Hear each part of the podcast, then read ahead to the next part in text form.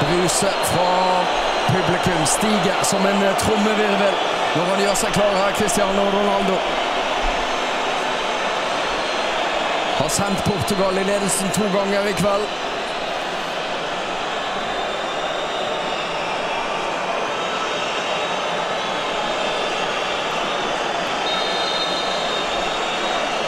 Så er han i tilløpet!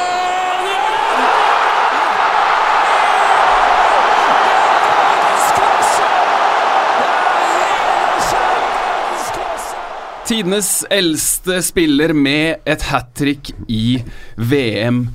For en start det var for Portugal, for Spania også. 3-3.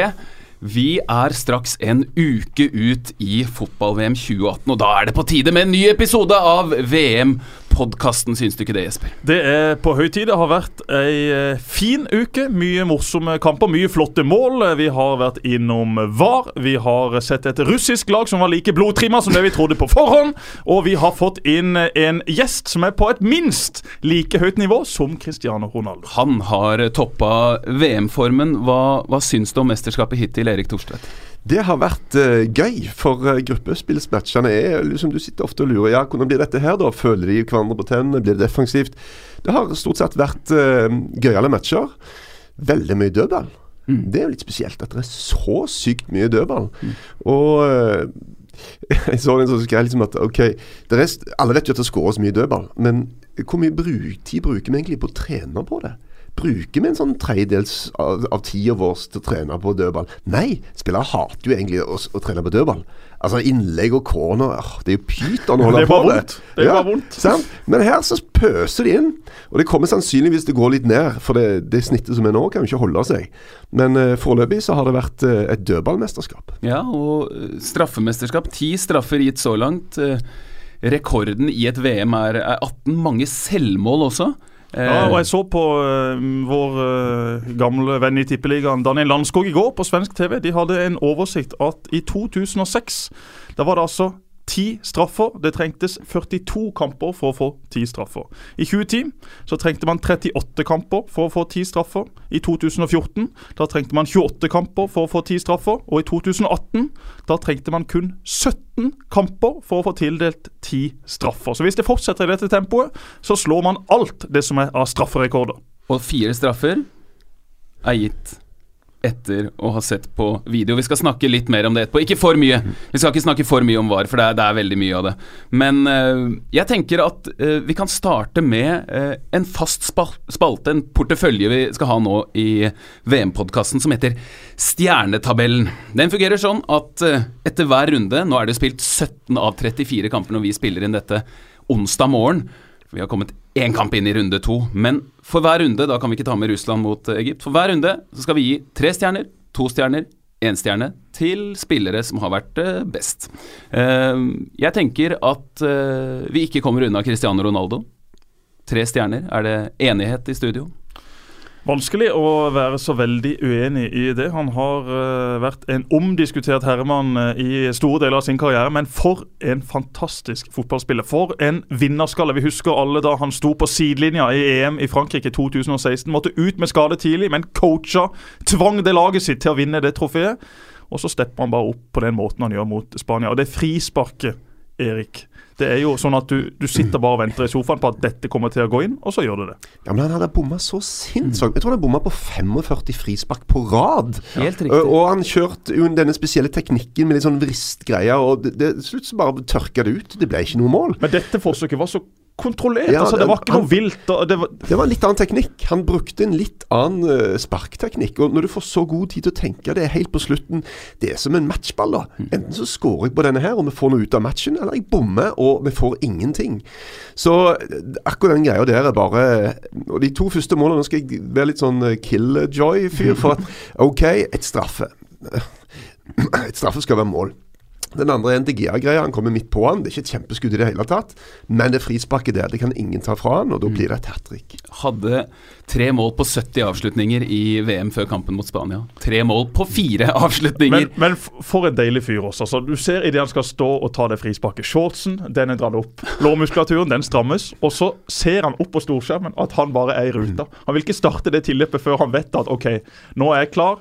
TV-seeren hjemme i sofaen er klar. Nå kjører vi. Og så kjører vi, og så bare blåser den inn bak eh, en keeper som har vært litt eh, svakere enn vanlig i det siste. Gjort et par tabber. Godeste DGA. Vi, vi, går, vi går inn på han, for vi skal ha en litt annen spalte etterpå også. Ja, stemmer. Vi skal dele ut Men, kaktuser. men Cristiano Ronaldo, ja, de to siste mesterskapskampene til Portugal nå i, altså Finalen vinner laget for han. Mm. Og så nå så virker det nesten som at han for å si det litt stygt sleper et lik av et lag etter seg. Skårer tre mål, og i stedet for at eh, det blir litt stygt, for Spania var best, så, så klarer de faktisk å få med seg 3-3. Vi gir tre stjerner til Cristiano Ja, Ronaldo. men jeg må jo si at jeg var litt imponert over Portugal som helhet i begynnelsen av denne matchen. For jeg tenkte her blir det defensivt, her blir det ligge bak to blokker. Nei, de var faktisk eh, gikk litt i strupen på Spania fra begynnelsen. av. De var aggressive og tøffe. og og litt sånn kred til Santos, treneren òg, for å ha lagt opp en taktikk som, som funka, selv om de i andre omgang eh, Da havna de bakpå og ble stående og se på oss. Dere skal få lov til å velge én eh, spiller som får uh, stjerne av dere, så skal jeg si hvem av, som, hvem av de som får to og én. Nå skal jeg nevne noen navn. Hvis dere har noen andre, så må dere bare si det. Men jeg har forberedt følgende. Harry Kane, Romelu Lukaku, Alexander Golovin, Dennis Cheryshev, og nå er det bare basert på den første kampen til eh, Russland, Luka Modric, Isco, Coutinho, Kanté, Tre mann fra Mexico, Herrera, Lozano, Chicharito, Mbaye Niang fra Senegal og Diego Costa. Og Choa. Åtte redninger. Jeg går for. Choa. Og det, for at eh, hans spillestil er utrolig rolig. Jeg tror han betyr mye for det laget bare på for måten han, han er på som person. da. Ekstremt nedpå, gjør ikke mye fiksfakserier ut av det. Står langt inne. Prøv å legge merke til det, hvor langt inne på streken han står. Da kjøper han seg litt ekstra tid, men senere mesterskapet kan det òg straffe seg. Fordi han er ikke så flink til å skjære av vinklene på skudda.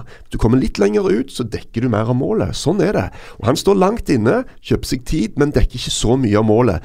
Så det, Hvis det kommer et skudd senere i mesterskapet, litt borti kroken, og han ikke når ut, så kan det være pga. sin spillestil. Så han er jo en fargeklatt, måten han ser ut og litt mimikk og sånn, men, men det du sier er at han, han er en ganske eh, restriktiv, rolig, trygg keeper. Ja, og du, ah, du ser jo så ut som han er på en dag på kontoret. Helt stille og rolig. Og det betyr noe i en gjeng da som ligger mye under press, og mot Tyskland. Du har en fyr der som bare Du ser på han, han ser ut som han har full kontroll til enhver tid. Så mange deilige navn, eh, Jesper. Gi meg eh, et annet. Jeg, eh, Du får ikke noe annet.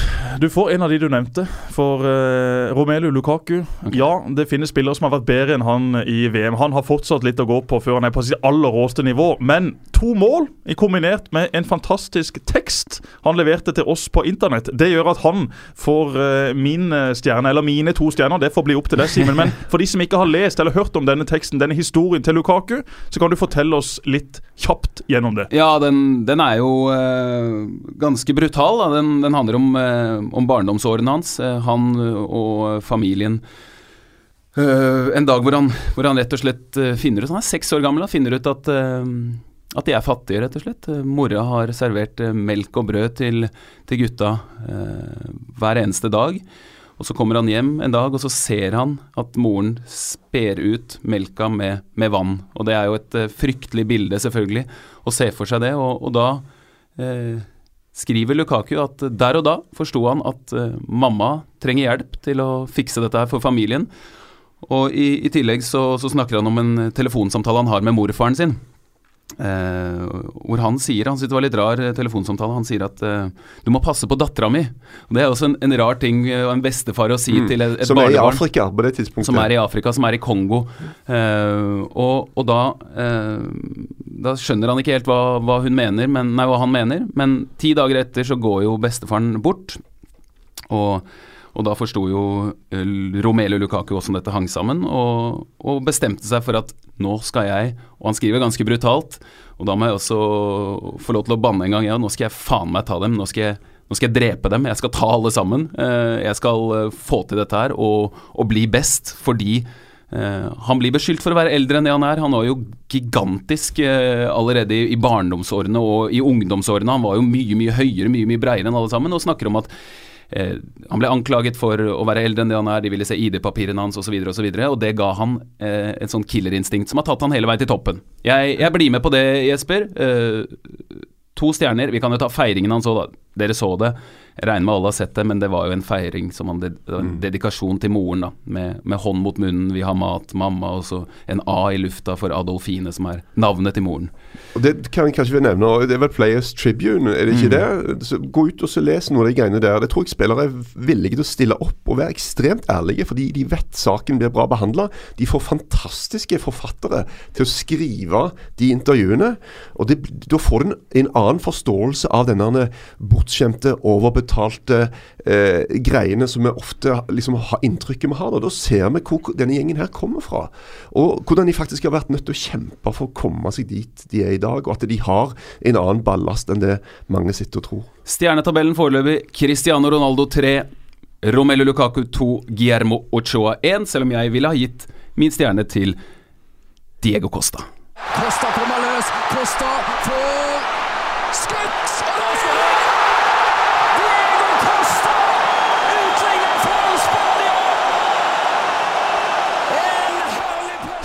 Beistet fra Lagarto. Jeg, jeg er veldig, veldig svak for eh, Diego Costa, og han gir Spania noe de ikke har eh, hatt så veldig mye tidligere mesterskap hvor de har vunnet. Han er, eh, han er enorm helt på topp der. Noen keepere som har utmerka seg for øvrig, Erik. Ochoa nevner du. Kasper Schmeichel har holdt nullen i fem kamper på rad for Ja. Danmark. Han var god. Han var det. Han har vel eh, 535 minutter eller noe sånt. Og han var jo helt Veldig presist. og- og- Men vi hadde jo en sånn interessant diskusjon etter den uh, kampen der, for at uh, Denne med Danmark hadde flaks. Og det, Vi ser ofte de har flaks når keeperen har, har spilt bra. Og keeperen er jo en veldig naturlig del av, av det laget. Tar du deg litt nær av dette? Så, nei, men, men det er jo en, en greie som jeg sjøl tar meg litt i òg, da. Og sier at ja, men de hadde flaks. Og Det hadde jo for så vidt Danmark. Men, men vi glemmer egentlig at, at keeperen er jo en sabla viktig. Kasper Schmeichel er bare veldig, veldig bra. ass. Han er eh, på mange måter eh, På en del måter bedre enn faren. Vil jeg påstå. Eh, han eh, har en eh, Faren var nok en mer dominante spiller. da Han var en som gikk ut og bare psyka ut motstanderen på, på en måte. Mens eh, men Kasper han er litt sånn stødigere i teknikken på en del eh, områder. Faren var jo litt villere. Og det betalte seg eh, av og til, disse håndballredningene og sånn. Men en del ganger når jeg gikk ut i splitthopp, så bare trilla de han stille og rolig inn langs bakken.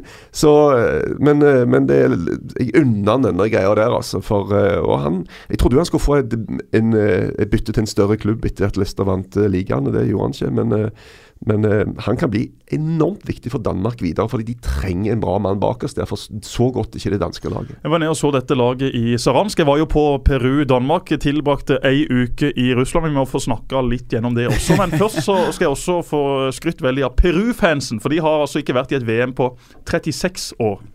Og Til denne kampen så var det solgt 20 ganger flere billetter til Peru-fansen enn det var til den danske fansen. Og det kom altså folk i hopetall på flyplassen. Det var kun folk fra Peru. Det var folk som hadde brukt eh, masse penger på å følge Peru i disse tre kampene. En nasjon som elsker fotball, og en, en nasjon og et folk som vet at vet du hva, dette kan faktisk være vår eneste mulighet til å se vårt land i VM. Det er så tøft å kvalifisere seg i den søramerikanske kvaliken, så de hadde sett på dette her og sagt OK, vi får gå all in. Dette skal vi ha med oss. Så de har reist. Og jeg har aldri i mitt liv vært på en kamp før med søramerikanske lag. Jeg har sett masse kamper i Europa, men jeg satt på tribunen. En flunka ny stadion i det ypperste russerne kan tilby av betong. Den tribunen, den rista så enormt når Peru-fansen begynte å høye, når de var frustrerte over nok en missa avslutning. Jeg var faktisk sånn, selv om jeg ikke kunne innrømme det der jeg satt ved siden av våre andre venner fra TV 2, at jeg var redd. Jeg var redd for at tribunen skulle falle rett i sammen. altså. Det var risting og hopping og dansing og synging, og du kjente det i hele kroppen. Fantastisk performance av eh, disse gutta fra Peru. Faktisk også en del damer som hadde tatt turen til denne kampen. Eh, Men vi var jo først i Anapa for å følge det danske laget. Ja, der, var det, der var det mye rart. Der hadde de deres leir. Der vil Åge Hareide bo. Dette er en gammel sovjetisk badeby. Altså Dette minner litt om Ayanapa, litt om eh, Tenerife, litt om Gran Canaria. Her var det charterferier fra russiske folk, og der befant også vi oss da. Det var utrolig glorete, det var varmt, eh, det var eh, høy luftfuktighet, og så var det veldig hyggelig. Vi hadde hørt en del advarsler på forhånd fra diverse folk som har vært mye i Russland, om at ikke smil til Vaktene, ikke smil til politiet, ikke spør de om så mange ting. Ta vare på PC og mobil, og ikke la ting ligge igjen på rommet. Pass på passet ditt. Jeg lot alt ligge igjen på rommet hver dag. Jeg hilste og lo og snakka med folk, og det var kjempehyggelig. Så det er tydelig at uh, Putin har bedt sine folk om å ta godt vare på oss som kommer bort på besøk, så jeg hadde en veldig god opplevelse i Anapa. Fra Anapa så gikk turen til Saransk, en by litt lenger inn i skauen i Russland. og fra å ha bodd på et femstjerners hotell Jeg fikk ei suite, for jeg skulle ikke være der så mange dager, så jeg bodde jo som Putin sjøl i denne byen. Så kom vi da til Saransk. og Vi landa på flyplassen og fikk beskjed om at vi må kjøre halvannen time for å komme oss til dette stedet hvor vi skal bo. Og Det var fordi at det var seks hotell i Saransk. Peru sitt lag hadde det ene. Danmark og Hareide hadde det andre. Og så var det de fire andre. De var utsolgt lenge før gruppene egentlig var satt opp. Hmm. Så vi kjørte og kjørte og kjørte. Vi kom til en skau, og vi kjørte og kjørte enda lenger. og Vi kjørte en halvtime til, og til slutt så kommer vi til dette stedet vi skal bo. Og vi reiste jo med den danske pressen, så vi var vel en 30-40 stykk i den bussen. Han ene var forresten kjempestor Tottenham-fan, sett alle kamper siden 1975, og skrøt uhemma, eller ga ros, heter det, til Erik Thorsvedt. Sa det? Ja, fortsett, sorry. Ja, han sa det, at uh, i min tid som Tottenham-supporter, så er Erik Thorsvedt topp tre. Han hadde så stor sansen for Erik. Så Erik, for alle eh, de lytterne som ikke har sett deg stå i mål, som bare har hørt deg stå og snakke på TV, eller sitte og snakke på TV og hylle diverse keepere Du vet veldig godt hva du snakker om. Det jeg skulle si, Jesper, er ja. at du har også blitt en slags uh, ministjerne i Danmark etter dette her. For eh, det lille kicket, som vi kaller det, den uh, VB-en, som er et TV-språk for et lite videoklipp hvor du uh, måtte utbasunerer din kjærlighet til Danmark. Det har gått litt viral, i hvert fall, i, ja, i så, nabolandet vårt. Eh, vi hylla jo Danmark også før VM starta. Og det var vel Var det du, Erik, som var her da vi snakka om Danmark? Du ja. anklaga meg for å jobbe for visitdenmark.dk. det gjør jeg ikke, men jeg er veldig glad i Danmark. Og det fikk jeg jo fortalt om i denne lille videohyllesten. Og den gikk eh, viralt, i alle fall i eh, de journalistflokkene jeg var med der nede. Og den lå ute på BT? Ja da, ja. bt.dk. De dytta den fram. Og det viktigste av alt var da jeg kom hjem og var gjest på Kontraskjæret. Så kom den største sjefen i Eggemont, altså TV 2-konsernet. Han er dansk, og han kom inn altså med stjerner i øya. Det er det verste jeg har sett. Jeg var der, og uh, de kom jo inn da, og det var litt, litt rotete hos oss nede på Kontraskjæret. Så nå er alle sjefene på vei med og rydder litt. Så rydder vi, og så stikker Olav Sandnes, vår eh, øverste sjef i TV 2, inn hodet. Ok, nå er de her. Så kommer det en liten delegasjon bak her. Og så er det han dansken som vi går rundt prøver å stekke fram en hånd. Han bare eh, ignorerer hånda mi fullstendig, peker bort på Jesper. 'Jesper Mathisen!' sier han! Så han bort. Altså, jeg har aldri sett noen med, med, så store stjerner i øya. Nei, han var fornøyd, så det er vi også veldig fornøyd med. Men uh, uansett Og du fikk, fikk, ikke du sånn tre måneder gratis sumoabonnement? Jeg fikk tre måneder dette. gratis sumo eh, med premium. Ja, med premium. Så jeg får med meg de første månedene akkurat Premier League. Så dette var gøy for meg. Gratulerer til Jesper. Uh, Men vi må, vi må få snakka videre om det ja, stedet vi bodde på i Sarans, for det er egentlig hele historien. Vi ble ikke plassert på et hotell, ikke på et motell, ikke på en Airbnb-leilighet. Vi bodde på et sanatorium! Og for de som ikke vet hva et sanatorium er, så er det da en eldre betegnelse på et helsehjem, kurssted, rekreasjonssted og en klinikk for langtidsbehandling. Det var slik at uh, disse ble primært innretta for å ta imot og behandle pasienter med nevroser og nervøse lidelser, der pasienten ikke var så virkelighetsforskjøvet og urolig at lukket behandling ble nødvendig. Sanatoriene hadde sin glanstid før antibiotikaens tid. Den tyske legen Herman Bremer hevdet i 1853 at den alvorlige lungesykdommen tuberkulose kunne helbredes. Åpnet i 1863 det første sanatoriet. Dette var da et uh, gammelt sovjetisk sanatorium, og det var ikke gjort så veldig mye siden dette ble bygd og tatt i bruk. Jeg har vel aldri følt meg så nære å bo på et sinnssykehus før. De som jobba der, de gikk rundt i hvite frakker. Det var svarte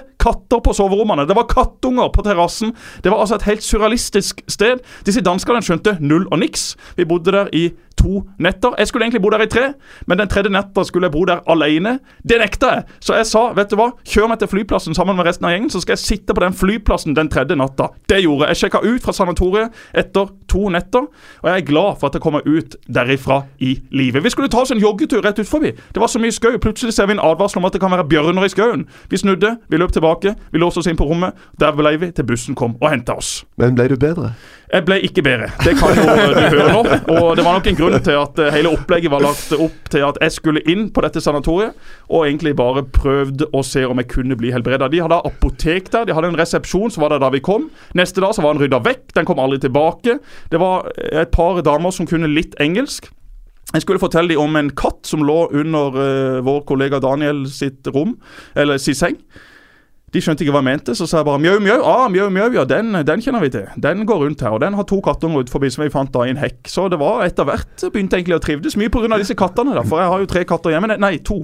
Eh, Mik Mickey døde for et halvt år siden. Han lå eh, Du røyker over han på Nei, jeg gjorde ikke det. jeg gjorde ikke det Men han sleit faktisk Dette er seriøst, han sleit med sukkersyke og eh, litt dårlige tarmer. Så eh, ei vinternatt så eh, var min samboer ute og leita etter Mikki, og så hørte jeg bare et stort hyl, og da lå Mickey som en ispinne nede hos naboen. altså. Og eh, når en katt har litt problemer med tarmene og har litt sukkersyke, er kastrert og har spist litt for mye mat, så blir han stor. Når han da fryser, så blir han enda større. Så dette var et ganske makabert syn for eh, Trine, så jeg måtte ta ansvar. Ned og hente Mickey. Inn i en plastikkpose, ned i hagen, grave et hull. Hive han nedi der, grave igjen, sette opp et kors. Der ligger Mikke begrava, i Hilsvei 5 i Kristiansand. Vi har forresten flytta fra dette huset nå, så de nye eierne har overtatt men- også gravplassen til Mikke. Er ikke, ikke dette en dokumentarserie? Jeg tenker, altså, Jesper, Bare bakom filmen med Jesper Mathisen. Mm. Altså, Jeg trenger ikke gjøre noe spesielt, bare følge han i livet hans. Det er altså Det er mye så rart. mye Det er veldig mye rart. Veldig mye rart. Eh, det var egentlig det. Eh, det var en fin tur til Russland, det må jeg få lov til å si. Russland var et eh, hyggelig land å være i. Bare et lite trekk for at vi bodde på et Altså, vi bodde ikke dårlig, vi hadde det fint, det var rent altså, men det var noe spesielt å kjøre i én time gjennom masse trær for å komme til dette stedet. Og I tillegg skulle vi gjøre da et lite intervju på fem minutter inni en sånn liten skau der. Jeg har aldri i mitt liv fått så mye myggstikk. Jeg fikk ti myggstikk i minuttet. Jeg så ut som jeg hadde fått sånn eh, Hva heter det? Eh, røde hunder? Nei. Hunder, ja. Eh, Nei, vannkopper. ikke- Vannkopper. Sorry. Vannkopper. Eh, Eh, det var ille. rødt og hvitt. Rødt og hvitt. Heia Eh, Danmark. Ja, heia Danmark. Eh, minner meg litt Den der eh, greia dere gjorde innen den skogen her, minner meg om et, et klipp på det, det er jo ikke verdens beste lytting, dette her, men hvis dere har lyst, gå inn og søk på YouTube eh, på Russian Rave in Forest. Altså russisk ravefest i skog. Det er eh, noe av det sykeste man finner på internett. Gratulerer til Danmark med tre poeng. Fint fra Sisto. Eriksen. Nå da. Tre mot tre. Slapper den perfekt. Ha det! Josef Paulsen!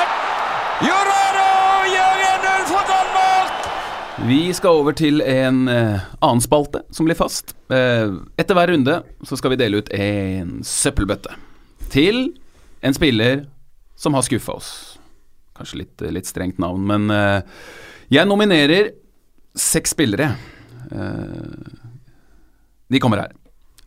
David De Gea, Paul Pogba, Mesut Özil, Neymar, Thomas Müller, Lionel Messi. Ja, det er mye flotte navn å velge i der. For meg så blir det Lionel Messi. Han bomma på et straffespark mot uh, Sandnes Ulf sin tidligere helt uh, Haldåsson. Det var tynn suppe, det straffesparket, Erik. Altså, vi skal gi ros til keeper som redder straffespark, men den klarte til og med jeg å lese fra sofaen hvor skulle du komme. Jeg er enig i det. Det var en dårlig straffespark. Og det er klart at Men keeperen venter lenge. da De fleste keepere går altfor tidlig. Så det er bare enkelt å trille den i andre hjørnet. Men hvis keeperen venter lenge, så må du jo ha en plan B. Hvis du ikke kan vente den ut, så må du i hvert fall ha nok kraft og, både i, i hjerne og i fot til å bare klinke den i ene hjørnet hardt. Og det gjør han jo ikke. Men jeg vet da søren jeg eh, Nå er det jo selvfølgelig denne Messi-Ronaldo-greia blir bygget opp hele veien. og han får jo, Den ene får masse skryt, den andre får utrolig mye drit. Det er tidlig, altså. Messi kan stå i igjen som eh, en konge til slutt, han altså. Men, eh, men det er klart han skøyt og skøyt og prøvde og prøvde, men det er altså elleve mann mellom han og mål. Ikke så enkelt heller. Det er ikke det, og, og Messi kan fortsatt uh, bli VM-konge, han. Det, men nå snakker vi om runde én. Og Ja. Messi er så fantastisk god i en helt egen liga, spør du meg, som fotballspiller. Som en kunstner. altså Han gir oss noe nesten hver eneste gang han spiller som er helt fra en annen verden. Derfor blir man jo så skuffa når han skuffer. Og akkurat for Argentina så eh, er han ikke like stabil, selv om eh, han eh, dro de til en finale i sist VM. Han og Cristiano Ronaldo eh, Sammenligningen er kjedelige. kjedelig, men jeg synes noe som er interessant, er akkurat når de, når de står klare på den måten, eh, med spotlight, med storskjerm rett eh, bak målet. Eh, svenskene snakker om å gilla leget, altså å, å like situasjonen. Å like å være der på den måten. Det er jo hevet over enhver tvil at Cristiano Ronaldo eh, Straffestatsa deres er ganske like. Ronaldo har faktisk ja, en god del færre bom. Men han liker jo det der bedre enn hva Messi gjør. Når han står på den måten der Han, han trives i søkelyset, mens Messi trives jo bedre når han bare kan gjemme seg litt bort på banen, få ballen, sette fart og skåre det målet og, og juble. Han er jo ikke den superstjernen, egentlig. Er han litt mer usikker på seg selv, eller er det, er det litt drøyt? Ja, ja det er jo det er jo litt Det er ikke mange som kan være like sikre på seg selv som Ronaldo. Men på igjen, altså, hvorfor står Ronaldo på tå på alle lagbilder? Han må jo være veldig selvbevisst. Det er noe av det greiene som jeg syns er litt fascinerende med Ronaldo. At han greier å være så narsissistisk eh, selvopptatt. Det koster energi, da. Det tapper deg for mye energi å være så bevisst på det. Men at han likevel greier å prestere på det nivået, på tross av at han er så sykt opphengt i hvordan han sjøl framstår. Tror du ikke Det dette gir han energi, da? Tror du, ikke, tror du ikke han er spesiell i så måte? At det finnes noen mennesker som også får masse energi av akkurat de tingene? Ja, men du må passe på når du skal ta lagbilde, at nå må jeg stå på tå. Ja, ja. Altså, det, det koster litt å hele veien tenke på de tingene der. Fremstå, hvordan ser jeg ut, hvordan flekser jeg, drar jeg opp shortsen nå, viser jeg lårmusklene. Altså, det, det, det koster òg noe, da. Men han, du har gjerne rett, han, han henter kanskje òg energi fra dette her, da. Og det er klart at Messi eh, diskuterte dette her med med redaktøren i Josimar her, så for han eh, nevnte at eh, Vi snakket om dette med hvor mye betyr det eh, for Ronaldo og Messi? Og alle mener jo at det, liksom, den duellen de imellom betyr mer for Ronaldo. Men de som har virkelig på innsiden at Messi Nei, vet du hva det betyr? Sinnssvakt mye. At han fremstår som den beste. Han, viser det gjerne bare ikke så klart Ja, og Det ut. tror jeg også er viktig. Jeg tror ikke Messi eh, gir F i å, å sette den straffen i målet, at han gir F i å være god for Argentina. Dette er to veldig forskjellige typer. Messi syns jeg, som fotballspiller, er den beste av de. Eh, Ronaldo eh, har etter hvert fått så mange trofeer, eh, og hvis han i tillegg drar Portugal langt i VM, ja, så kan vi alltid snakke om hvem som er den største, men den beste syns jeg er Lionel Messi. For han gjør ting som nesten ikke er til å tro. Han gjør det nesten hver eneste gang han spiller fotball. Derfor syns jeg han fortjener en kaktus, fordi at han er den beste fotballspilleren i verden. Men utrolig skuffa over det straffesparket. Det så ut som han faktisk ikke hadde lyst til å ta det. Og Det tror jeg jo heller ikke, men det var litt av det kroppsspråket vi så. Og jeg synes sammenligningen er god på frisparket til Ronaldo eller straffen til Ronaldo og dette straffesparket til Messi. Vi må gi Messi en kaktus sånn at han eh, hever seg til de resterende kampene. For vi trenger å se en god Messi. Det gir meg veldig, veldig mye. Hva har skjedd med David De Gea, Erik?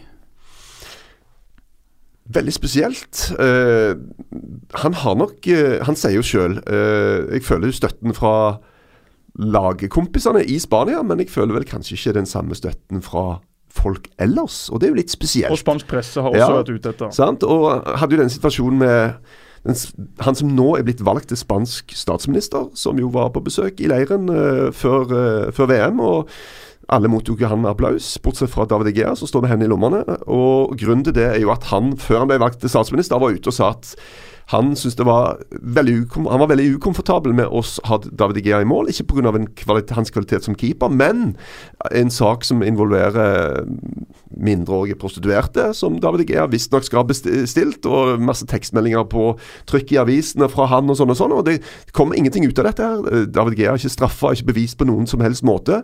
Og David Gea sier at 'jeg fikk en en unnskyldning fra statsministeren på privaten, men jeg vil jo at han skal gå ut og si den offentlig, og backe meg offentlig. Så det er klart at når du tar på deg den drakten, da I Man United så tar han på seg drakten, og så føler han vet du hva, jeg er elska. Alle her syns jeg er bare det beste som har skjedd noen gang.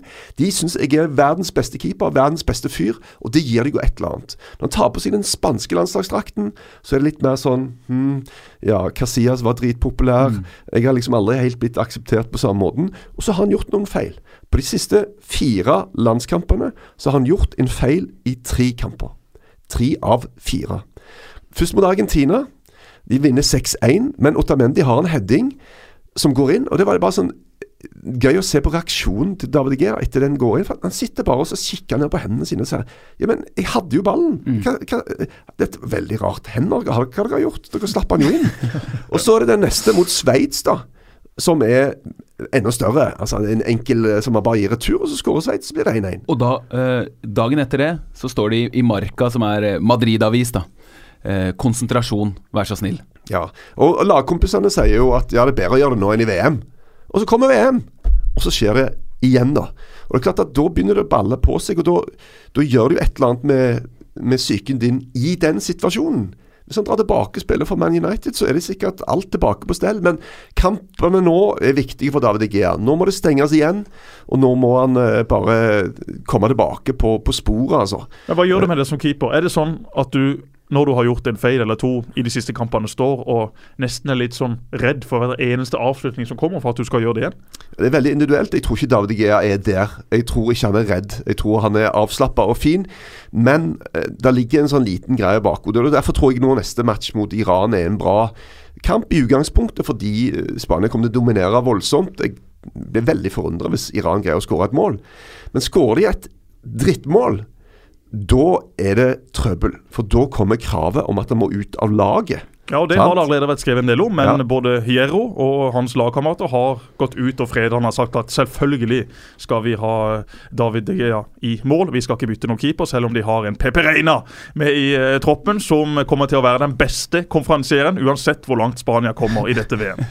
Ja, øh, en øh, søppelbøtte kaktus. En søppelbøtte med en kaktus til fantastiske, men dessverre skuffende eh, Lionel Messi. Ja, og helt enig med deg, Simen. Den diskusjonen om Ronaldo versus Messi, den er håpløs. La oss nå heller bare være fornøyd med at vi får se disse i full HD et par ganger i uka. Det er fantastisk. Det er noe våre barnebarn sannsynligvis aldri kommer til å få oppleve. At de har to så enormt gode spillere samtidig. Så vi takker dere for det. Men Messi, du må komme deg på jobb, slik eh, Ronaldo var i første match. Da kommer avgjørelsen. Han har sett på VAR, og han dømmer straffe! Og de prøver seg med lette protester, de australske spillerne. Men de vet bedre enn noen gang at nå nytter det ikke. Da var det i gang, altså. Eh, video assistant refereeing. Eh, det blir veldig veldig mye prat om det i, i VM. Men, men sånn er det jo. Jesper, du har sagt til meg du elsker å snakke om dommeravgjørelser.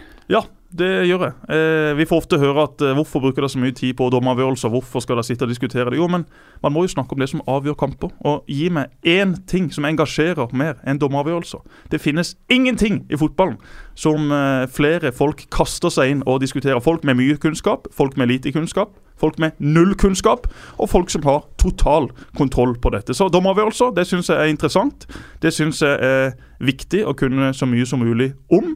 Derfor har jeg også meldt meg på dommerkurs til høsten. Ikke for å begynne å dømme, men for å lære meg enda mer teori. Så dette gleder jeg meg til du. å få lov å være en del av. Der står du foreløpig på ventelista, bare så du er klar over det. Det er ikke så lett å komme på dommerkurs. Nei, det er det nok ikke, men jeg har eh, også der klart å prate meg inn. Eh, jeg er også eh, faktisk blitt fortalt en gang at eh, fire-fem dommere som hadde dømt den kampen her i Kristiansand, gikk av banen og snakka om meg. Om at jeg var så stygg med et par dommere, jeg var så brutal med et par dommere, og at jeg måtte skjerpe meg. Så det har jeg tatt til meg. Jeg skal skjerpe meg. Jeg skal bli enda mer balansert, eller enda mindre ubalansert, i min måte å snakke om og til dommere på. Men VAR er jo kjempeinteressant. Jeg syns dette er en eh, kjempeoppfinnelse. Jeg syns dette har vist seg allerede i dette VM å være en fin ting. Ja, det vil være noen barnesykdommer. Det har vært et par elendige dommere som har brukt dette systemet feil. Men VAR som system, det syns jeg ikke sinker spillet. Jeg syns eh, det er en berikelse for spillet, enten du ser det som TV-seer eller du er på stadion. Men aller mest som TV-seer. Ja, men jeg var på stadion også da de brukte dette i Peru-Danmark. Da fikk jo eh, Peru straffespark på denne måten. Og det kommer altså en forseelse. Og Peru-fansen de begynner å hoppe, sånn at stadion begynner å riste, og Jesper blir redd. De fortsetter å riste og juble og hoie fordi at de venter på dommerens avgjørelse. Alle øyne er rette mot dommeren. Hva gjør dommeren nå?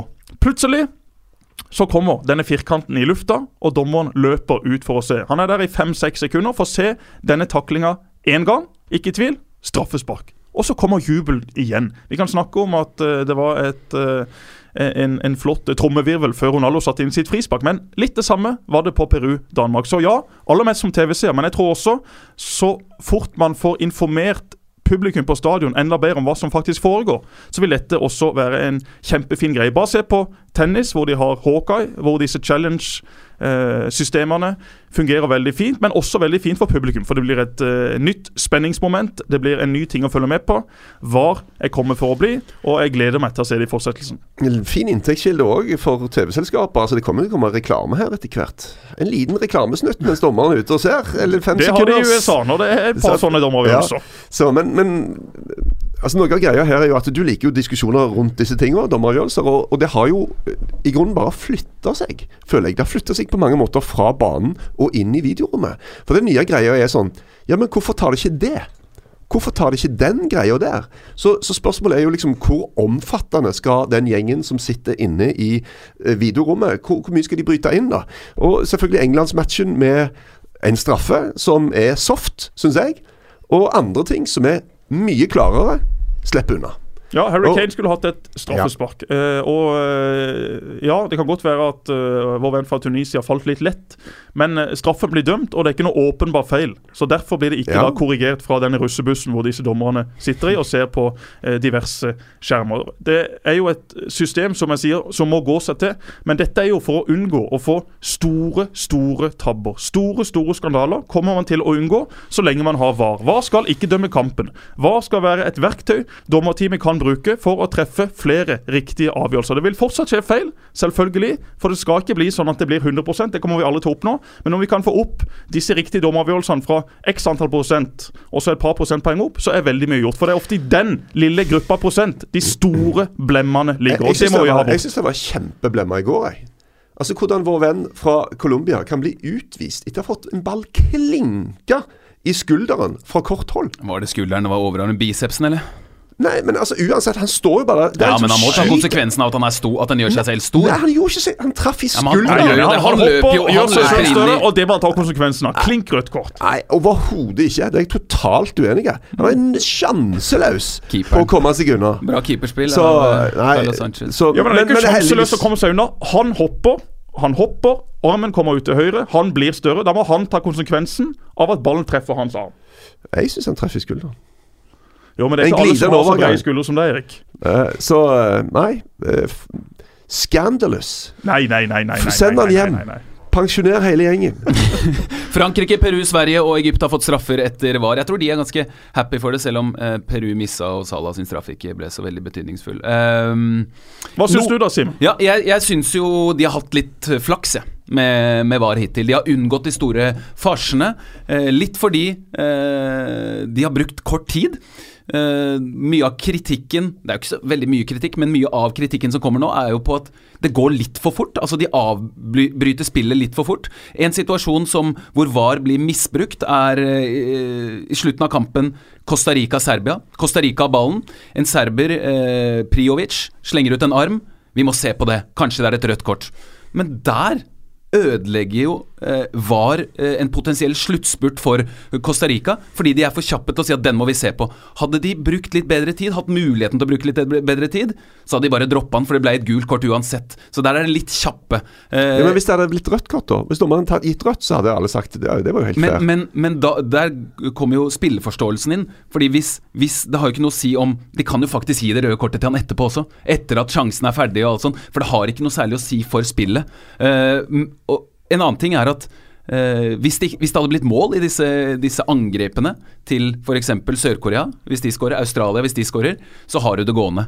Fordi da må man tilbake og gi straffen. Da blir det jubel. Da er det fælt for publikum. Da, da går det gærent. Ja. Men, men, det, men det blir Ja. veldig hypotetisk. Ja, ja, jeg altså. Hvor ofte skjer det i en fotballkamp? Det er ekstremt sjelden at det går fra en eh, straffesituasjon som er tvilsom, at det plutselig er mål i andre enden i løpet av 15-20 sekunder. Det der kommer til å skje, ja, men det blir ekstremt sjelden. Vi kan ikke bruke det som et motargument Nei, mot VAR. en annen ting som de har vært litt, litt heldige med, kanskje dommerne har vært flinke med det, det var noe jeg hørte Mark Clattenberg si, at etter at, etter at det har vært en, en VAR-situasjon Hvis ballen er ute og blir satt i spill igjen, så kan de ikke vare. Da kan de ikke gå tilbake og si Altså Hvis en spiller blir felt, spillet på, pågår, og så går han ut, ikke, ikke i mål, ikke nødvendigvis i mål, men til et innkast som kastes inn fort, så kan de ikke Altså Da er det en formell feil bruk av VAR.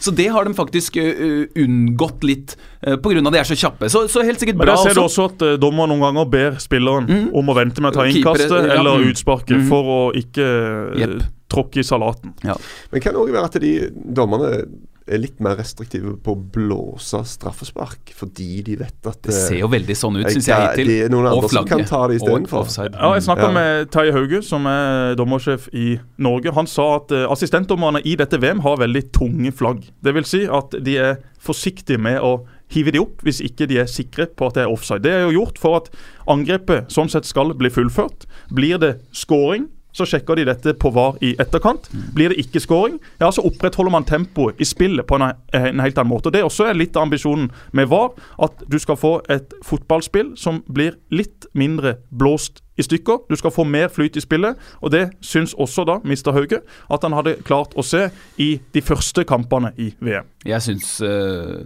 dette VM har vært mye artigere enn en tidligere eh, gruppespillkamper på Mm. grunn av VAR. Jeg syns det er kjempegøy å se på som, som TV-seer, men jeg kan ikke noe for at jeg tenker at de har vært litt heldige. Eh, de, de har eh, Og det med at de har Er det 26 kameraer de skal kunne se vink... De har, det var 36. 36 kanskje. De har, ikke, de, har jo ikke fått brukt alle de. De har jo ikke tid til å få sett på alle de innen de avgjørelsene tas. Uh, eh, vi får noen innspill, det er vi veldig glade for. Uh, Fredrik Slettbakk skriver Kan dere snakke litt om hvor dårlig dommere håndhever tillegg i tid? En negativ konsekvens av VAR? spørsmålstegn. Enkelte Mm. kamper har vært nede i 60 minutters effektiv spilletid. Bør det innføres effektiv tid? Jeg må bare si at det er helt vanlig. 60 minutter Ja, ja. effektiv er helt vanlig. Og du snakker om dødballer, Erik. Det er mange dødballer, det er mange frispark. Uh, Hvor lang tid de bruker på frispark og innkast er en større tidstyv. Men Erik, du må også fortelle noe du fortalte før dagens sending. Altså, Dere må inn og følge Erik Thorsvedt på Instagram, for han kommer nå framover med diverse fun facts fra VM og fra fotballen ellers. Ekstremt underholdende å følge. Og den ene tingen du fortalte i stad, Erik, det var om en finale litt tilbake i tid. Ja, det går på hvordan en spiller fotball nå i forhold til hvordan en spilte fotball tidligere. For i forrige eh, VM-finale, 2014, så var det 20 avslutninger. Det var tilleggstid. Det var 120 minutter, 20 avslutninger. Så vi går til VM-finalen 1966, som òg gikk til tilleggstid. Eh, England vant eh, 4-2. Og effektiv spillet, eh, spilletid der var, tror jeg, eh, 77 minutter og 25 sekunder. Eh, and, Ja, til, til ordinær tid, Eh, nei, totalt sett. totalt sett. Totalt sett tror jeg 79 minutter og 25 sekunder. I løpet av de 79 minuttene og 25 sekundene så var det 77 avslutninger. 77 avslutninger. Det var 54 skudd fra utenfor 16-meteren. Det var som en basketballmatch. Spilte fotball på en helt annen måte. Litt sånn OK, nå har vi skutt, nå kan dere skyte. Nå er det deres tur. Ingen av disse 54 skuddene gikk jo inn. Sant? Og så nå har de funnet ut en, en måten som moderne fotball har utvikla seg det, Vi husker alle de der fantastiske langskuddene som går i krysset. Det skjer bare så utrolig sjelden, så det lønner seg ikke å skyte fra langt hold. Du må spille deg nærmere og nærmere. Og hvis vi ser hvor avslutningene i dag kommer ifra, så kryper de stadig nærmere mål, for det lønner seg å spille seg nærmere mål istedenfor å ta en sjanse på å vinne Lotto fra langt hold. Folk syns jo det er eh, veldig kjedelig når kamper blir stykka opp. Eh, Neymar, ti eh, ganger fikk han eh, frispark. Det er mest av en spiller siden, i VM siden Alan Shearer i 1998. som fikk 11 mot seg Nei, fikk 11 for seg mot, mot Tunisia. Folk syns også, mange, ikke jeg mange syns det er kjedelig når det bare er possession-spill. Vi kommer helt sikkert til å se det litt mer etter hvert. jeg har ei hjemme, hun, er, hun, er, altså, hun har ikke peiling på fotball i det hele tatt. Men hun, hun spurte meg i går Er det sånn at uh, Er det sånn som i håndball? At man kan bli avblåst for, uh, Passivt. for passivt spill? Da måtte jeg fortelle at nei, det er jo ikke sånn. Jo bedre det Ja, det er kjedelig, sier hun da. Uh, man vil jo helst ha en veldig åpen kamp, med mye kontringer, mye fart og spenning. Men ja. og det leder meg over til Tyskland-Mexico, som jeg syns var en sånn kamp, hvor det går unna hele tiden. Og til slutt så, så vinner Mexico. Men det var så mye kontringer, så mye tempo, så, så morsomt. Spesiell førsteomgang på den, eh, den kampen. Det er sjelden du ser en match med to så veldig ulike kampplaner, da. Mexico hadde bare sagt vi skal bare bånn pinne. og så- Vi snakker om kontringer, og vi snakker om kontringer. Dette var i siste kategori, altså. For dette, dette må du ha trent på. Du må ha satt opp et lag som er helt gira for akkurat den type fotball. Og de gjorde det bare så utrolig bra, da. For det er så lett å rote det vekk. Når ting skal gå i kjempetempo, så er det så lett å bare gjøre en liten feil som gjør at du mister ballen, du tar en feil avgjørelse, du spiller ballen for tidlig eller for seint. Men de gjorde det dritbra, altså. Det var ganske fascinerende å se på den uh, fotballen de spilte. Vi gleder oss til å se Mexico i de neste kampene. Vi husker i 2014, da ble vi sjarmert av et Colombia-lag som eh, også kontra på en helt fantastisk måte. Chile, som eh, hadde et eh, enormt eh, trøkk og intensitet i sitt presspill, som også sjokka en del motstandere. Kanskje er det Mexico vi nå kommer til å bli sjarmert av. Det de viste mot Tyskland, var i alle fall ekstremt lovende. Tyskerne de kommer til å reise seg, de kommer seg videre fra denne gruppa, men de ble rett og slett eh, løpt og kjempa og spilt i senk av et par eh, meget gode meksikaner Og Hernandez på topp, eh, Simen. Du har aldri sett han så god? Aldri, aldri sett han så god. Eh, Jeg, jeg, jeg må ærlig innrømme at, eh, at det er en, en spiss som Ja, jeg liker å se spillere som har X-faktor, som er liksom målsniker, litt sånn Insagi, de gutta der, men, men han syns jeg faktisk har vært litt kjedelig før denne kampen! Og det var så gøy, og det starta på eh, nasjonalsangen, hvor han bare, du bare ser han står og koser seg så sykt. Står og smiler. Det virker som at eh, han, han har liksom eh, blitt fri. eh, fra Westham, fra alt det tullet der, fra at han sitter på benken. Han står der og synger, og så tørker han seg liksom for ansiktet to ganger. Det ser ut som han står og gråter to ganger.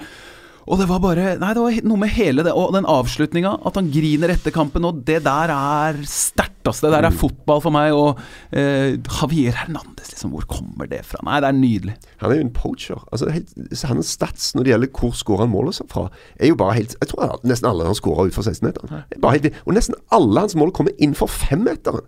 Og så her viser han ute på banen et sånt type spill som er en helt annet register, da. Det er jo helt andre ting han spiller på i den matchen enn det du forbinder med den fyren der. Og det var, det var veldig show å se.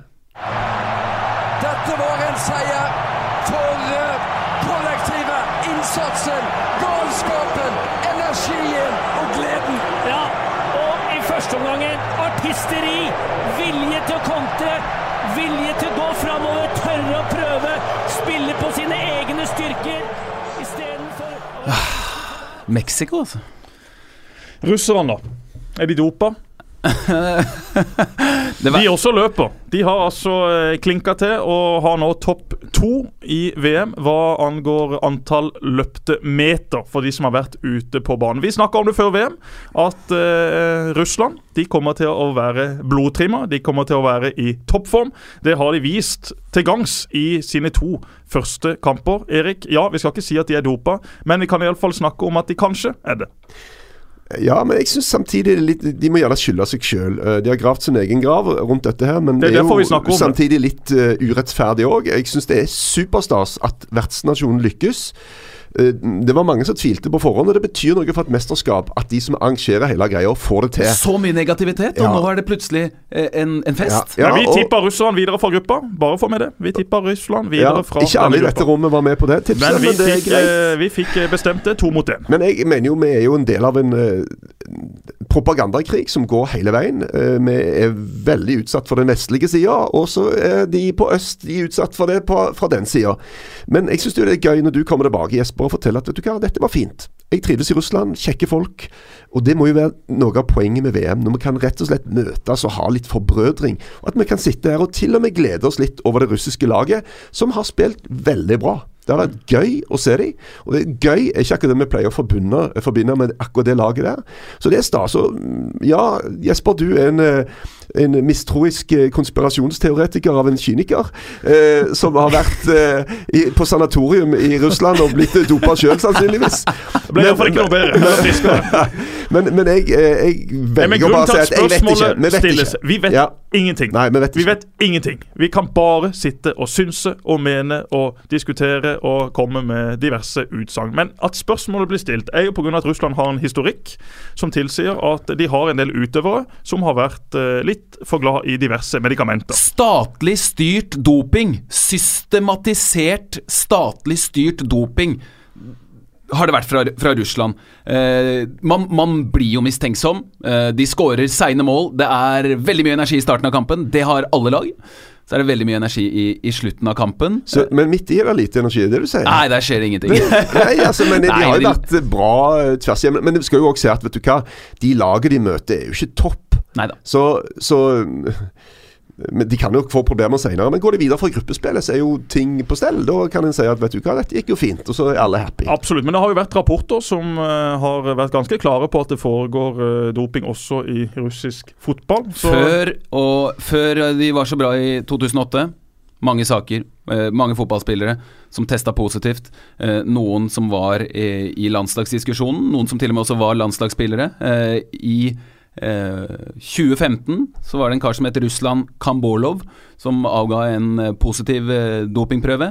Og så skal eh, det ifølge en tysk eh, dopingdokumentar nå eh, ha kommet en, en mann inn, en russer, inn på dette laboratoriet, og plutselig så var denne urinprøven Forsvunnet eh, som, som dugg fra solen. Eh, sånne ting skjer veldig ofte i, i russisk idrett, men denne karen var også i, i Russlands eh, VM-tropp. Plutselig ute, skada. Det er jo bare eh, teorier, dette her, altså. Men Ignasjevic er mannen som kommer inn. Han starter kampene. Han spiller fra start. Han har spilt eh, to ganger 90 minutter. Det får meg bare til å bli litt Men han har jo sånn spilt utrolig mye før, da. Han Ja. er jo en erfaren og bra eh, landslagsspiller, sånn sett. Så og, og, og antall løpte meter er ikke et eh, kjempegodt parameter på om du er dopa eller litt Nei, for glad i å ta litt eh, Ventolin eller den slags selv om de eh, har medisiner. spilt to kamper, de har spilt dobbelt så mye kamper, så Og- ikke rart de har løpt mest. Det skulle bare mangle at de topper den lista. og, og hvis, hvis det hadde vært et søramerikansk lag, så hadde vi kanskje sagt at det var engasjement, energi fra Ja, tribunen. selvfølgelig hadde vi det. Men Russland har seg sjøl å takke. Det er jo Ja. egentlig det vi prøver å si her. Ja, vi skal ikke sitte og si at Russland er dopa, men vi skal heller ikke sitte og si at de heller ikke er Men- dopa. VM 2002, eh, Sør-Korea. Ja. Jeg har aldri, før eller senere, sett en gjeng springe så mye som den sørkoreanske gjengen. Og Vi var jo en turnering med de med Norge i Hongkong i februar, og jeg tror vi vant. og de, Det var ikke noe spesielt. Så kommer VM. Det er det sykeste. Altså, det, det går ikke Det var bare helt ellevilt. Og det har Men det, vært mye det, det syns spekulasjoner eh, om skiller eh, Ja. Sør-Korea litt fra dette russiske laget. Det at Sør-Korea den gang de løp med en sånn intensitet også som var helt latterlig. Jeg syns ikke dette Russland-laget har eh, spruta. Selv om de har vunnet to kamper veldig solid, så har de også møtt et eh, Saudi-Arabia som var totalt sjanseløse, og som nesten så ut til at de bare ville tape denne kampen for å bevare god stemning med Mr. Putin oppe på tribunen. Og så møtte de da et Egypt som også var ganske tynn Mm. suppe. Så vi skal ikke eh, ta helt på vei her, men eh, det diskuteres, det skrives om, det snakkes om, også i vår VM-podkast. Yes, og i vår VM-podkast så har vi hatt eh, en spalte. En hos eh, hvert lag som vi kaller for Vår mann. Og vi har tenkt til å lage en stjernetabell der, vi òg. Og eh, da ender vi jo til slutt opp ved slutten av mesterskapet med vår mann i VM 2018. Eh, jeg var litt redd for at det skulle bli en sånn kiss of death. At, eh, at nå har vi utnevnt noen til vår mann. Eh, da, da kommer det til å gå, gå gærent for han. Og, for noen så har jo det dessverre stemt, men det har vært veldig stor eh, sprik i prestasjonene. Saliosis, min gode venn, skada før VM starta, fikk ikke spille. Radamel Falcao, som jeg vel introduserte Selvfølgelig kom han til å skåre, tror jeg sa. Han gikk målløs av banen. Krykoviak, mål og assist. Mål selv, assist til motstander. Nihang på Senegal. Uh, Rafa Marquez, det er jo gøy. 39 år og 124 dager. Eldste utespiller i VM siden Roger Milla. Mm. Inn for å trygge ledelsen mot slutten. Inn for å trygge ledelsen, veldig bra. Sam Goddos, eh, svensk-iraneren, eh, fiksa frisparket som Iran scora på. Og Artem Djuba, den store mannen framme, og det var jo han vi starta med. Den store mannen framme har skåra to på to.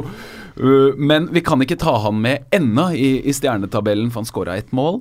Eh, han ligger godt an til runde to. Han, han, ligger veldig godt an til, til runde to. Men um, jeg tenker uh, vi bare drar i gang. Én stjerne. Andreas Grankvist, 33 år gammel VM-debutant, midtstopper, kaptein, holder nullen og skårer kampens eneste mål. To, og var ekstremt god. Ja. Kjempetoppfart. Ja, kjempe. Nei, men Ekstremt god, syns du det? Seriøst? Ja, jeg syns han klarte seg fint. Men han ble jo løpt av jo, igjen jo, jo. og igjen. Men, men det, det, vet vi jo. Mot Sommer. Ja, ja, ja, men, så du velger bare å se vekk fra det? Ja, men, men vi ser litt vekk vi denne gangen. Altså, vi, vi, vi, har jo disse på vår liste. Jeg har en til jeg skal melde inn på vår liste. Og Han har ikke spilt i VM, men han har vært på kontraskjæret. Han heter eh, Andri fra Polen.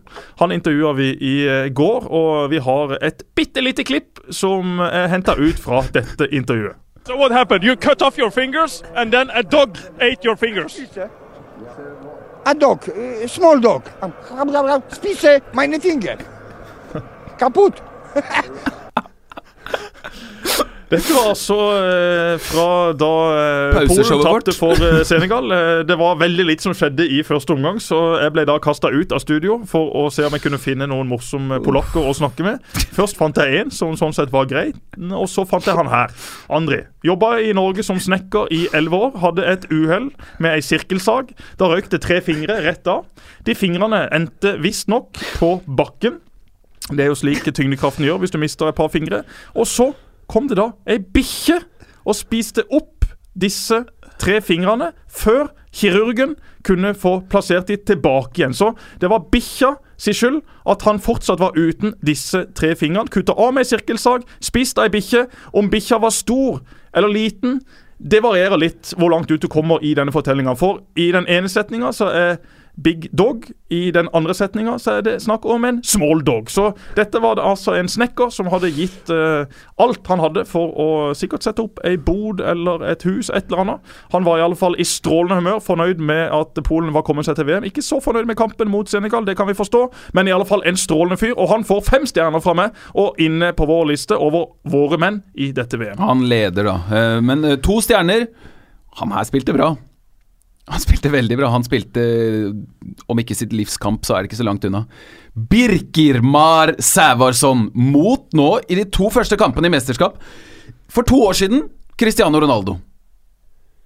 I år Lionel Messi og hele Argentina. Han bare står imot alt sammen. Han står imot alt sammen. kanskje en straffe, men Jo da, jo. Men Birkimar, en eh, fyr som nå skal møte Rosenborg også, i eh, kvalik til uh, Europa. Valur skal ut og møte Rosenborg to ganger. Valur har flere spillere med i VM enn det Rosenborg har. Uff.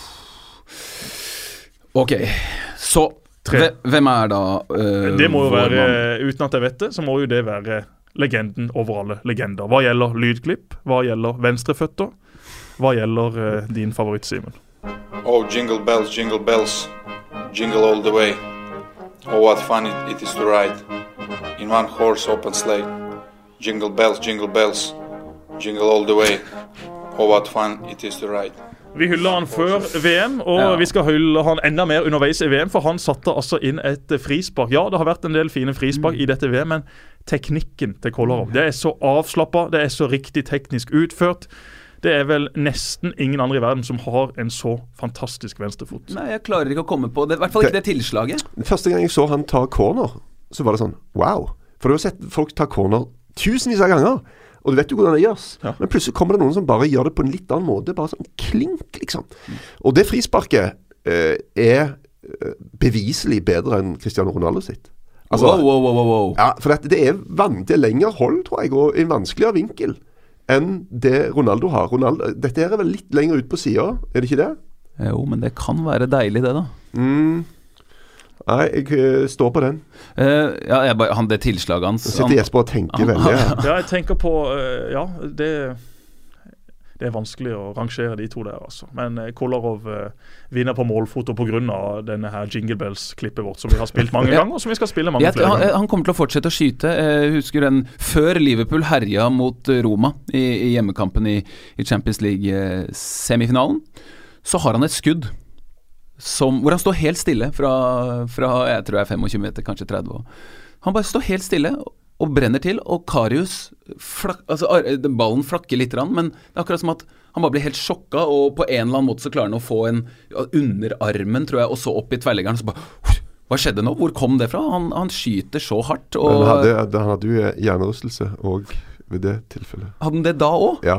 Ok, ja, Så, nettopp. nei, men det, og, og akkurat den situasjonen du refererer til der, er jo en sånn som jeg tenker Når det skjer i Champions League-finalen, så tenker jeg dette har han jo gjort før.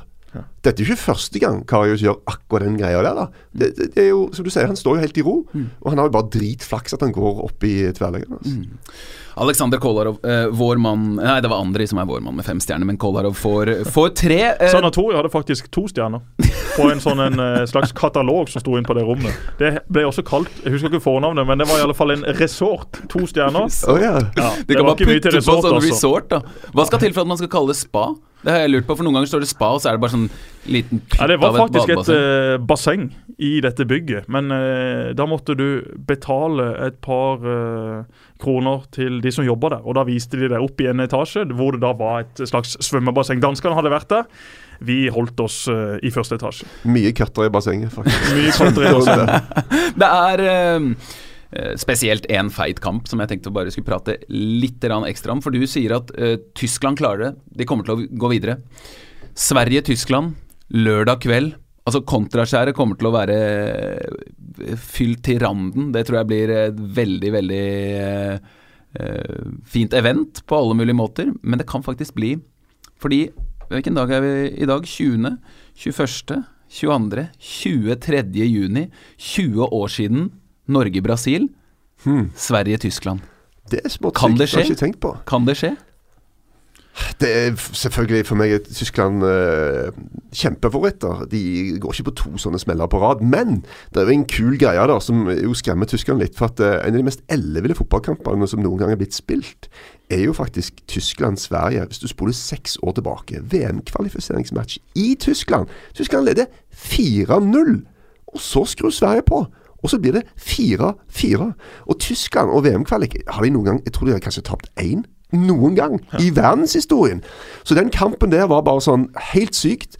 Og jeg sier ikke at det har noen betydning for den kampen som skal komme nå, men tyskerne har litt dette med Sverige i bakhodet, om at de kan stelle i stand ting. Altså. Ja, Sverige har eh, for ikke så lenge siden fiksa det. De har slått eh, Frankrike. De har Spilt uavgjort mot Italia i Italia. uavgjort, nettopp. Mm. eh, Slo i, i, en, hjemme. I en kamp hvor Italia var desperate. Tyskland er et bedre lag enn en det italienske laget der. Men og, og de to foregående kampene mellom Tyskland og Sverige har gitt 16 mål. 4-4 og 5-3. Uh, jeg ser mer for meg en, en 1-0 til Tyskland, kanskje. Men det kan bli en merkedag i, i svensk fotballhistorie, det der. For vinner de den, så er de faktisk, eh, faktisk videre, og da er Tyskland Omtrent ute, altså. omtrent ute. Ja. Det er kniven på strupen Ja. for Tyskland. Men den vinner Tyskland. Det gjør de. De eh, kommer ikke til å rote seg bort mot eh, dette svenske laget. Det har jeg veldig liten tro på. Sverige har jo i hvert fall eh, ikke samme kontringskraft Nei, som det, de har det. Mexico har. Eh, men balansen i det tyske laget var jo ikke på stell i første kamp. De, men de lærer jo av det, da. Det er jo ikke Men sånn det at syns jeg er liksom et veldig viktig poeng, Erik. At mot Mexico så fikk de trøbbel når de var sløve der når de sto igjen med litt for få folk, og når Mm. de dytta opp altfor mye ukritisk. Mot Sverige så, så kan de nesten gjøre det. For uh, hvilken svensk spiller skal galoppere forbi alt av tyskere? Den spilleren ser jeg egentlig ikke. tar et par spørsmål til slutt. Vi har vært altfor dårlige på det i VM-podkasten hittil, å nevne spørsmål som har kommet til. Helt elendige! Ja, helt elendig. Fryktelig dårlig. Vi spør etter spør, eh, spørsmål, vi får spørsmål, og så glemmer vi å svare på det. Det er fordi at vi blir altfor ivrige. Vi snakker om Sabeltann, Russland og diverse er bare- sanatorier. Vi må katter, Kom oss litt inn på hunder, dogs, Ja. fingre. Svein har forresten fått seg Langemann-kostyme nå, så nå er det det? Langemann som gjelder hjemme. Nå går han med sverdet i, i, i buksa, liksom, og, og drar det opp og skal liksom peke det på alle som kommer inn den stakkars døra. Så det er intet nytt under solen. Eh, like langt unna å få han interessert i å spille fotball. Erik Torstvedt, eh, Jon Håkon Nybakk spør Kan svak keeper være det som gjør at Argentina ryker ut av VM? I kvartfinale, skriver han, men som, som, som gjør at de, de ikke tar dette? Kan han eh, vippe det gæren vei? Caballero? Selvfølgelig, men eh, det, det kan gjelder jo alle lag. Du vet jo ingenting. Det Gea, mange regner jo han verdens beste keeper, plutselig så roter han det inn. Så er det andre keeper du ikke regner med, som plutselig står fram og er dritbra. Så det er et, heldigvis et uforutsigbart spill, da. Og jeg prøvde meg jo på en uh, liten greie med her med Colombia og rødt kort. Det fikk jeg litt motstand i studio. Men det er liksom sånn Her har de altså brukt m- m- år på å kvalifisere seg. De har brukt måneder på å bygge opp. Treneren har ikke tenkt annet enn taktikk. Hvordan skal vi gjøre dette? De har brukt spalte kilometer på å skrive vurderinger av lag. Taktikk. Hvordan skal dette gå? Og så er det en som får ballen i skulderen til tre minutter. Han blir utvist. Han fikk han i armen! I arm. Han får han i hånda. Og så blir Altså, alt går i dass. Ja, du kan hive Så- alt av forberedelser. Ja, sant? Alt. Og det samme gjelder jo Polen, da. Så kommer det et skudd, og så treffer han i foten på en, så går han inn, og så blir det selvmål. Så, Men det er fordel å ha en bra keeper. Selvfølgelig Caballero, er han, god, er han en klassekeeper? Caballero er stressa, syns jeg. Av og til så ser du at han, han har frykt i øynene når det kommer skudd. Og han kan spille dritbra, og han kan spille ræva. Og øh, han Men er Argentina totalt sett god nok? Det er det jeg lurer på. Nei, det tror jeg ikke det. Erlend Fardal Lunde, Simen, han har noen spørsmål. Du svarer ja eller nei. Okay. Må superstjerner på laget være først i alt? Nei. Bør Coutinho ta frispark før Neymar? Nei. Hvorfor ikke? Fordi uh, Neymar er et spesielt case. Eh, han, han, tre, han er jo eh, Vi snakker om at eh, Ronaldo er narsissist. Hva er Neymar da? Han er jo litt på, på samme greia, og hvis man gir han eh, frihet og, og kjærlighet, så svarer han veldig ofte med med det helt store og Nei, han skal fortsette å skyte, og de er jo gode kompiser. Så hvis Neymar brenner og brenner og brenner, så kommer han til å gi en til Coutinho til slutt sjæl uansett, tror jeg. Men det, en ting som jeg syns er skikkelig irriterende, det er når fotballspillere bommer på én ting.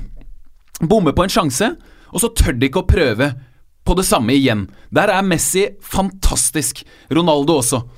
Eh, eh, Sett at du, man kommer fri på venstresida, eh, drar seg innover og skyter. Neste mulighet til å gjøre akkurat det samme. Ni av ti prøver ikke. De drar seg ut og legger inn, eller noe sånt.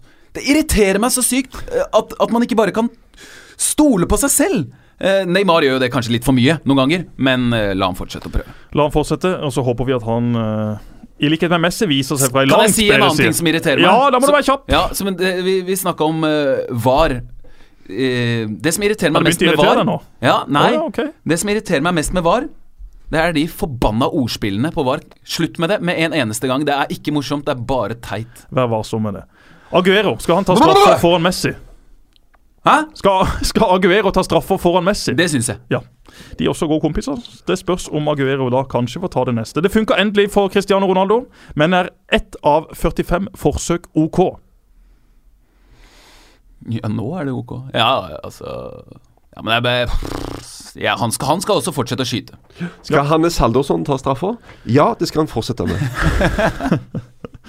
Tanker rundt Senegal, Simen, eh, spør Markus Zahl. Vi har vært eh, innom de før mesterskapet, at det var et av de lagene vi virkelig gleder oss til å se. Og den forventninga er ikke blitt noe mindre etter første kamp. Nei, øh, vi hadde jo en- Diambars-sjefen sammen med Patrick Vieira og Bernard Lama i studio, Jimmy.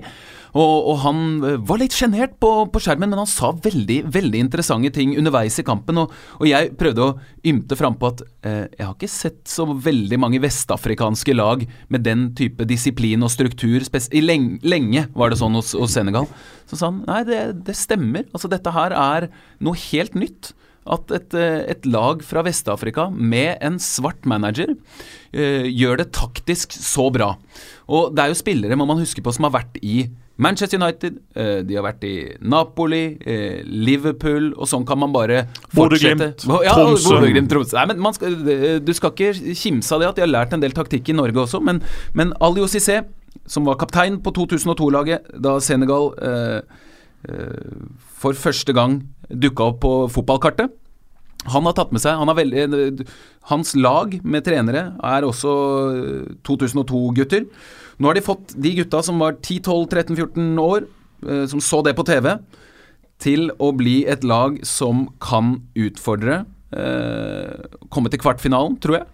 De kan det. Det er veldig bra. Men for ellers så må jeg jo si at på en, eh, altså, europeiske lag har jo dominert veldig. Ellers så har de det. Ja. Og nordiske lag. Og Og, du får neste spørsmål, Mhm. som er da fra Fridtjof Hubert. Hvilket nordisk lag tror dere nå går lengst?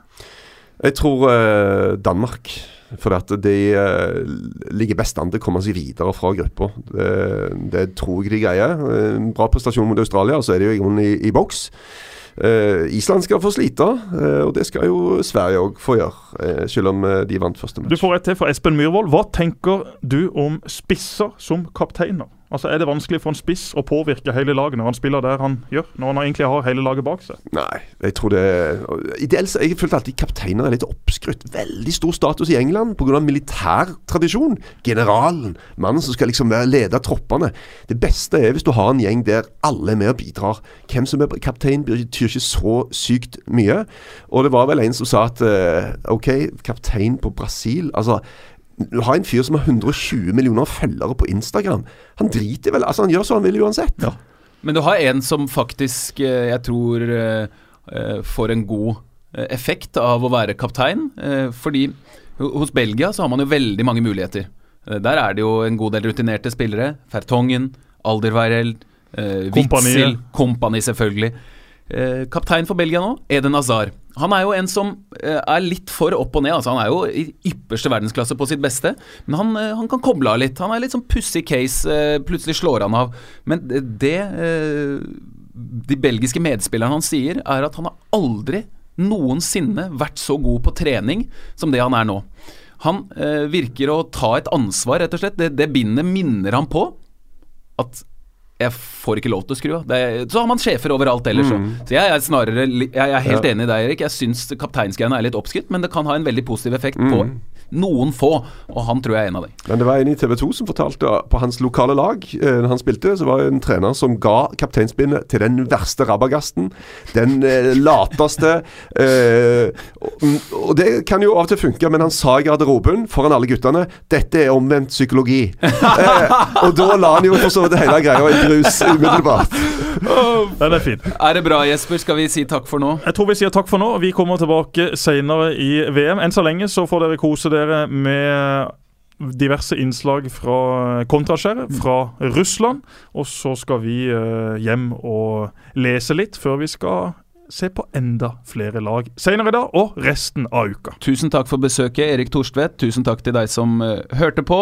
Eh, gi oss gjerne en sånn femstjerne-rating, det er vi veldig glad for. Og gi oss en kommentar, enten det er ris eller ros. Takk og hei!